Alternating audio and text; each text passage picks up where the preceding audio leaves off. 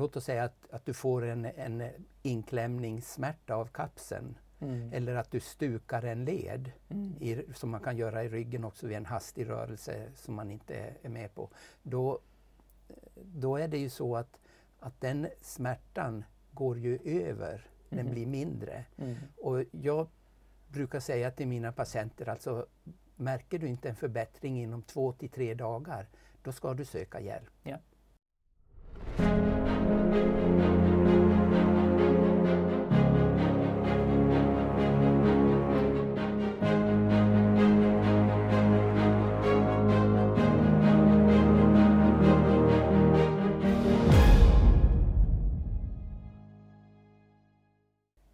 Hej och välkommen till Led dig frisk-podden. Jag heter Fredrik och idag sitter jag här tillsammans med min far Hans. Och vi ska prata om det intressanta och spännande ämnet som vi arbetar väldigt mycket med som fysioterapeuter, korsryggsmärta och mer specifikt akut korsryggsmärta idag.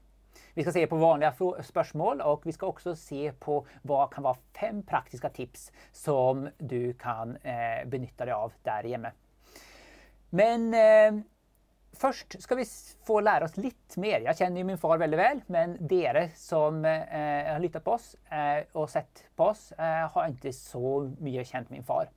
Och det är så att han hjälper till här på Fredheim och eh, är med på några smärtprogram som vi har. Men annars eh, ska du få berätta lite grann om vem, vem är du och eh, vad är din erfarenhet med smärta? Ja, jag är far till Fredrik och jag har eh, tre andra barn och har glädjen av att ha ett barnbarn, mitt första barnbarn, sedan två år tillbaka. Eh, jag är fortfarande gift med min första fru sedan över 40 år tillbaka. Jag eh, bor i Nordsverige, strax nedanför polcirkeln, i höjd med Mosjön. Mm. Och eh, har bott där i över 40 år som sagt. Jag eh, har eh, en utbildning ifrån Danmark. En, eh, en eh, fyraårig fysioterapiutbildning som grund för att senare ha läst ergonomi och är bedriftsföretagshälsovård, heter det på, på svenska. Eh, företagshälsovård, sjukgymnast eller fysioterapeut. Sen har jag en eh, manuell terapiutbildning som var färdig 90, 1998.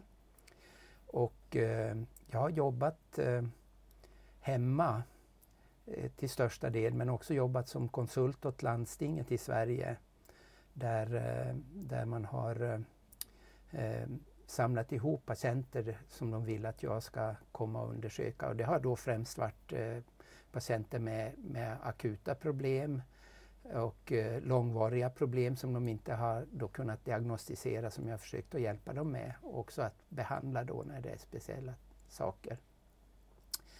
Så jag har en, en eh, privat mottagning hemma som jag jobbar i.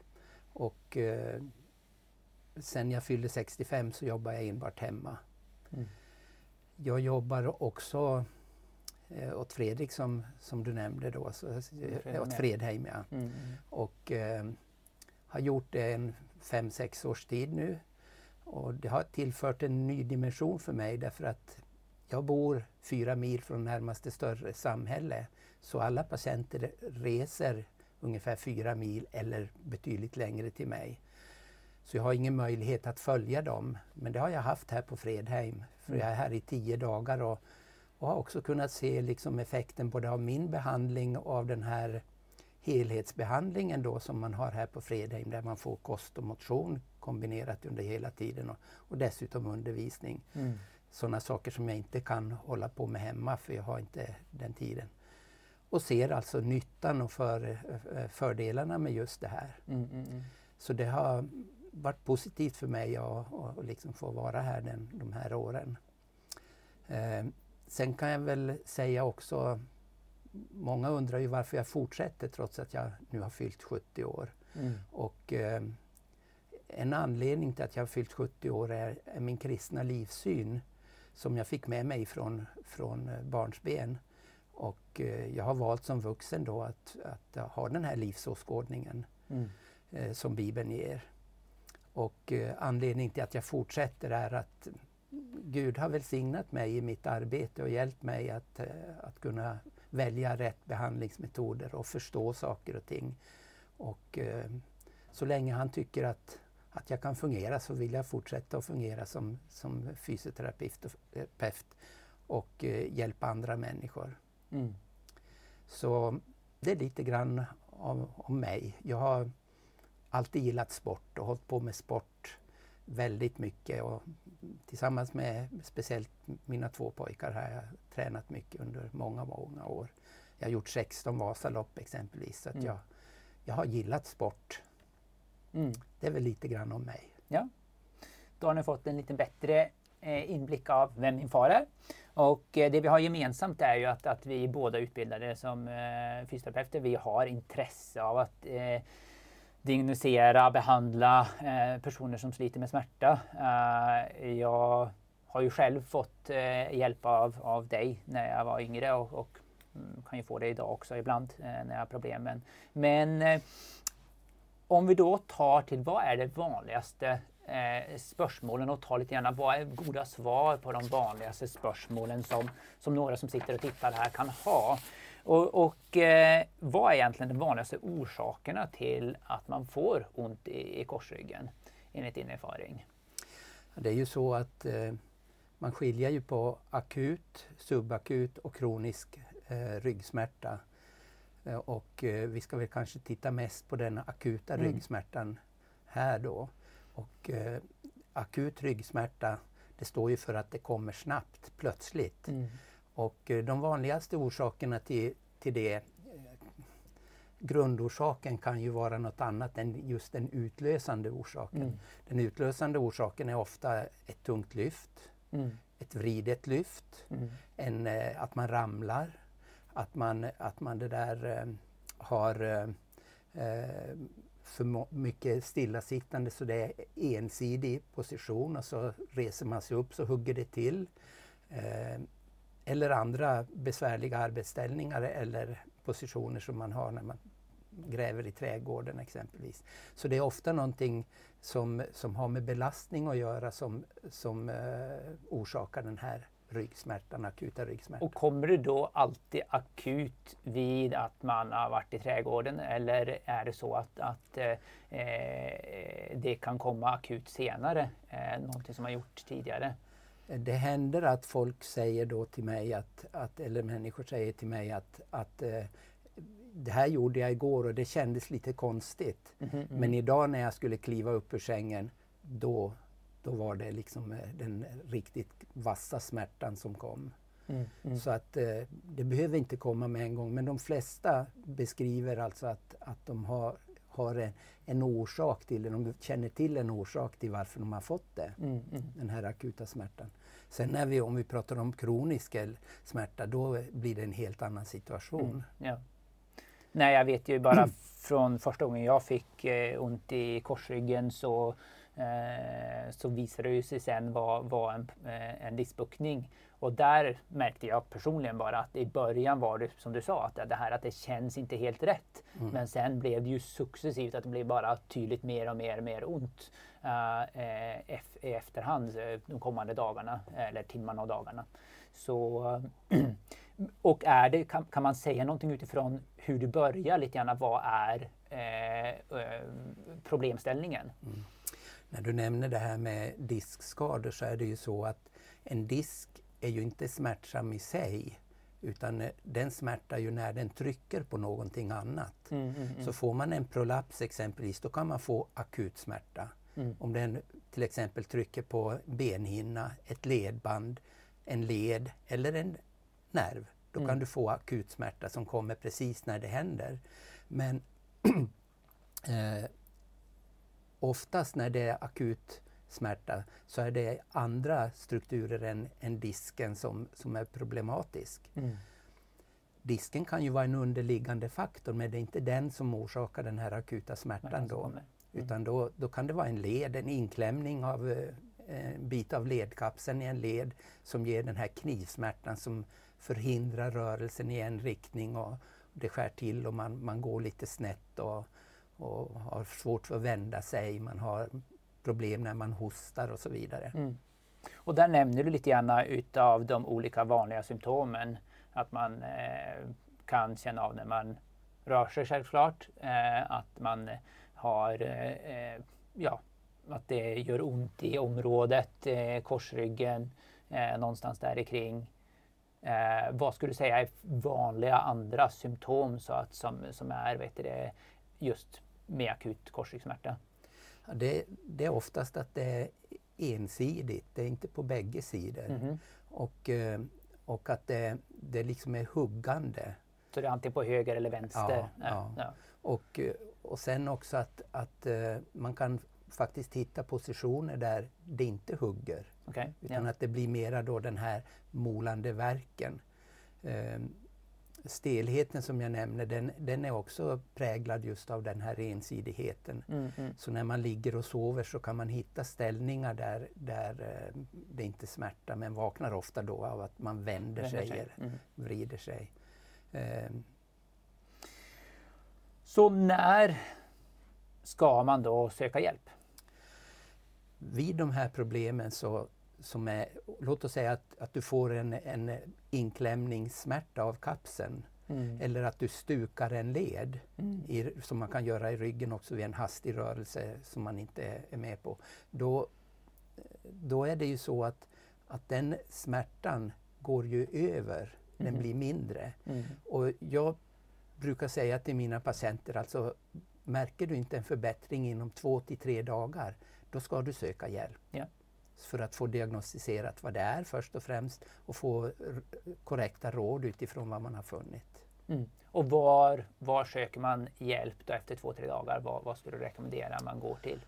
Ja, är det en ryggsmärta så det inte är någon form av utstrålning och det har kommit plötsligt, då, då tycker jag att man inte behöver uppsöka en läkare. Nej. Utan då kan man gå direkt till en fysioterapeut eller en, eller en manuell terapeut. Mm, mm. Där, man, där man kommer till snabbast egentligen. Mm. Och, eh, sen är det ju så att vi som både fysioterapeuter och manuella terapeuter har jobbat olika mycket med olika, inom olika områden. Mm. Så därför kan man höra sig för med, med andra var de har fått hjälp vid liknande besvär. Mm. Så, så det, det skulle jag rekommendera. Efter två, tre dagar om det inte har gett sig så, så ska man få en undersökning.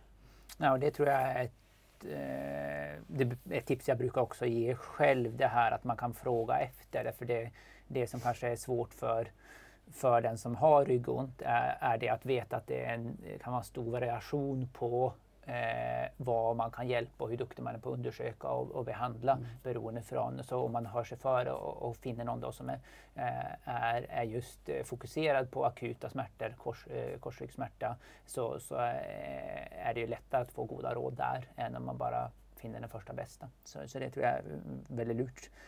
Um, men då om man, man får god hjälp och så, så är eller låt oss eh, titta tillbaka lite grann. När ska man då besöka läkare? Om vi då tydliggör det. När ska man hellre gå till läkaren istället för till, till fysioterapeuten, manoterapeut? Det är ju om, om, eh, om det inte har kommit rent akut. Mm. Eller det har kommit akut och man har gått till en, en eh, fysioterapeut eller manuell terapeut som säger att det här stämmer inte med det jag är van att se. Mm. Det är någonting utöver det. För du kan ju få akut ryggsmärta på grund av skad, andra typer av skador, i, alltså inre organsproblem. Mm. Och då behöver man ju ha annan kunskap än de, den vi har. Mm. Och så om man har haft problem en längre tid och så blir det väldigt akut plötsligt, eh, så om man inte har de här andra sakerna som vi pratade om, att, att, liksom att man kan provocera den här smärtan med vissa rörelser och det kommer liksom alltid vid samma rörelse, att man, man blir stel i en viss riktning. Då, då kan det vara aktuellt att söka en doktor först. Ja. För doktorn kommer att, när han har uteslutit att det inte är något problem i, från inre organ, så sänder han vidare. dig vidare då i sådana mm, fall. Mm. Så aktiviteter när man har ont. Vi fokuserar ju inne på, på att vi har akut ont. Och vad anbefaller det, anbefaller det inte? Ska man arbeta, ska man inte arbeta? Vad, vad för aktiviteter ska man göra när man har ont? Det är klart om du jobbar i skogen och så får du det i samband med, med att du ska ta motorsågen vid sidan eller någonting. då är ju inte det att jobba i skogen ett, ett alternativ. Mm. Så att det har ju att göra med lite grann eh, vilken situation man är i. Men rent generellt så är det så att, att eh, man mår bra av rörelser. Därför mm. att när du rör dig så frigörs kroppens endorfiner som är smärtstillande. Plus att även kroppens egna lä lä eh, läkande mekanismer startar på grund av ökad cirkulation. Mm. Så det är bra med rörelser, men då ska de ju vara smärtfria. Mm. Så att, så att, eh, och eh, inte tunga, framförallt inte tunga och inte hastiga rörelser utan mera så att du ökar blodcirkulation. En promenad är ju fantastiskt bra mm. eh, att göra när man har, har akut ont. Mm, så att har du ett arbete där du inte du vet att du inte behöver provocera så kan du mycket väl arbeta. Mm. Men eh, många arbetsplatser är ju inte sådana att du kan styra. Eh, Helt? Nej. nej. Och kanske inte heller kan gå ifrån när du blir trött. För det är något som händer när man får akut eh, ryggsmärta är ju att muskulaturen krampar. Mm. Och när den krampar så är efter en, ett tag så, så är du ju trött och då behöver du ju vila. Då behöver du lägga dig ner. Och en bra viloposition det är ju att man ligger då i det vi kallar för psoasställning. Eller den ställning där du inte har ont. Mm. Mm. Så hitta en ställning där du inte har ont och ligg en 15-20 minuter. Sen upp och rör dig igen är ett bra råd. Mm. Nej, och eh, i alla fall eh, gå en tur är ett väldigt gott tips. Men om att gå en tur äh, inte fungerar så brukar jag tänka cykel om man har, vet det, för ofta är de lite grann sina komplement, komplement till varandra. Mm. Äh, att, att okay, kan man inte gå tur, då kanske man kan sätta sig på cykel och, och, mm. och, och cykla en 15-20 minuter. Och, och eh, det jag brukar också rekommendera att man kan man få det 15-20 minuter just för att den kroppsegna morfinet börjar produceras då, så mm. då får man ju lite hjälp av, det, av den saken. Så är det bra att man inte tar det ja, att man tar det så, så pass länge att man kommer över 15-20 minuter, men utan att det ska smärta. Eh, I alla fall inte bli mer smärta. Det kan ju vara att man har ont bara, eh, men det ska inte bli smärta mer. Ja, själva nivån när man går och när man cyklar eh, ska ju vara på en, på en lägre nivå. Det ska inte vara så att du, du provocerar dig hela Nej. tiden. Nej. Så oavsett vad du gör är bra med rörelser, även om du inte kan gå eller cykla. Armrörelser är bra därför det ökar cirkulationen också mm, i hela mm, mm. kroppen. Ja. Så att, så att, och frigör de här endorfinerna. Så hitta någonting som du inte provoceras av. Ja. Så vad är några vanliga behandlingsformer då om man kommer till en fysioterapeut vad, eller till läge eller vad, vad man nu kommer till? Vad, vad, kan man förvänta sig få för behandling? Eh. Ja, vad du får för behandling är helt beroende av hur, hur duktig du är på att undersöka. Mm. Och kan du komma fram till vilken struktur som är problemet så blir det ju inriktat på det. Mm, mm, mm. Men om du inte kan komma fram till vilken struktur som är problemet eller inte gör, kan göra en sån undersökning, då blir det ju att du får antingen ett träningsprogram mm. som är, är, generellt då för att öka den här endorfinfrigöringen och, och det där. Eller du går till doktorn så får du något antiinflammatoriskt och smärtstillande och kanske muskelavslappnande. Mm, mm. Det är ju det vanligaste. Mm, mm. Men som jag har jobbat under alla år så är det är det väldigt målinriktat på att försöka komma fram till vad är grundorsaken mm. till det aktuella problemet nu. Och också varför får den här personen det här, här problemet? Har det någonting med att han är överviktig eller har det någonting med gener att göra eller har det någonting med arbetssituationen att göra? Eller var det bara helt enkelt en olycka mm, mm, som, mm. som liksom inte återkommer? Så det är liksom frågeställningar jag har när jag ska ge behandling och råd. Men behandlingen ska egentligen gå ut på att, att behandla den struktur som är angripen eller som är påverkad, som, som smärtar. Att mm. ta bort det som smärtar. Mm. Det är liksom samma som med mediciner mm. egentligen, bara att medicinen dämpar smärtan. Liksom. Den tar inte bort den. Nej.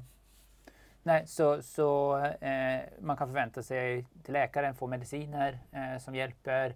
En fysioterapeut så kan man få då eh, mer träning som, som hjälper mer generellt och, och komma till en manuell terapeut beroende på deras erfaring där, men där blir det då mer specifikt på strukturer Ja. eh, och, och behandling av specifikt, antingen specifik träning mot strukturer eller specifik eh, manuell behandling mot, mot strukturerna.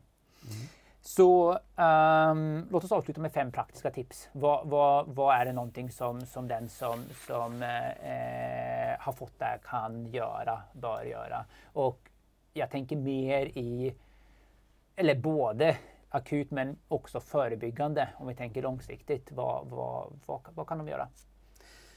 Att förebygga det betyder ju att, att man, man ska göra någonting innan det händer för Mm, att det mm. inte ska hända. Och eh, man vet ju de här riskfaktorerna för att få, få eh, problem. En riskfaktor är ju faktiskt rökning. Ja. Därför att man vet att rökningen det, det liksom gör att de här fina blodkärlen som ska gå ut till disken och till lederna, de, de liksom dras ihop. Så du får inte den genomblödning som du behöver.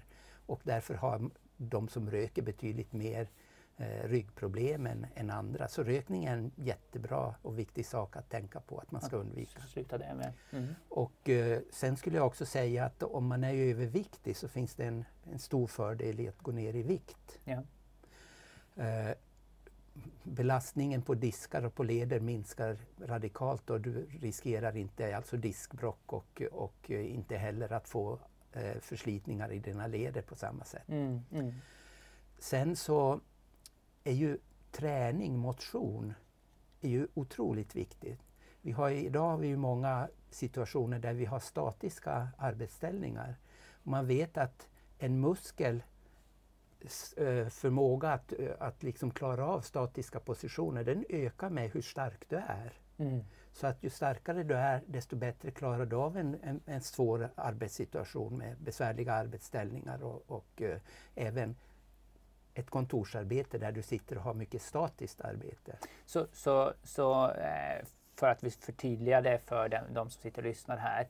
Att låt oss säga att eh, man är överviktig, man röker, man har ett väldigt statiskt arbete. Man har inte haft ont i ryggen fram tills nu. Men, men det ökar risken för att man någon gång Ja. i framtiden ska få, få, få, få ak akut ont. Eller om man sitter här att, att, och tänker det här vill jag aldrig ha igen. Ja, men då, då kan man redan nu börja tänka att ja, men det här är saker som jag vet det, när, jag, när jag blir bättre i ryggen då ska jag börja med det här så att, så att det, eh, det und, man undviker att kunna få tillbaka det igen. Det Sen- nå- vad var de, de två sista? Ja, de här genetiska faktorerna, det kan faktiskt finnas det, men det är otroligt sällan det är genetiskt. Min erfarenhet är att det är snarast någonting som man, man liksom ärver när man ser sin far eller mor lösa situationer. För jag har sett att det kommer unga personer och säger ja, men min, min pappa han har också ont i ryggen. Och då har jag sett den här pappan. Och då vet jag att den har så att ja, sitter, sitter där släpvagnen fast, då tar man i och så rycker man. Och så gör sonen precis på samma sätt. Så man ärver ett beteende.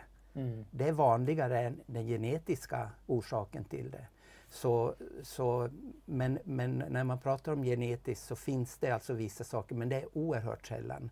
Så att skylla på det, det tror jag inte man ska göra. Däremot kan man titta på, gör jag som min far och mor gjorde?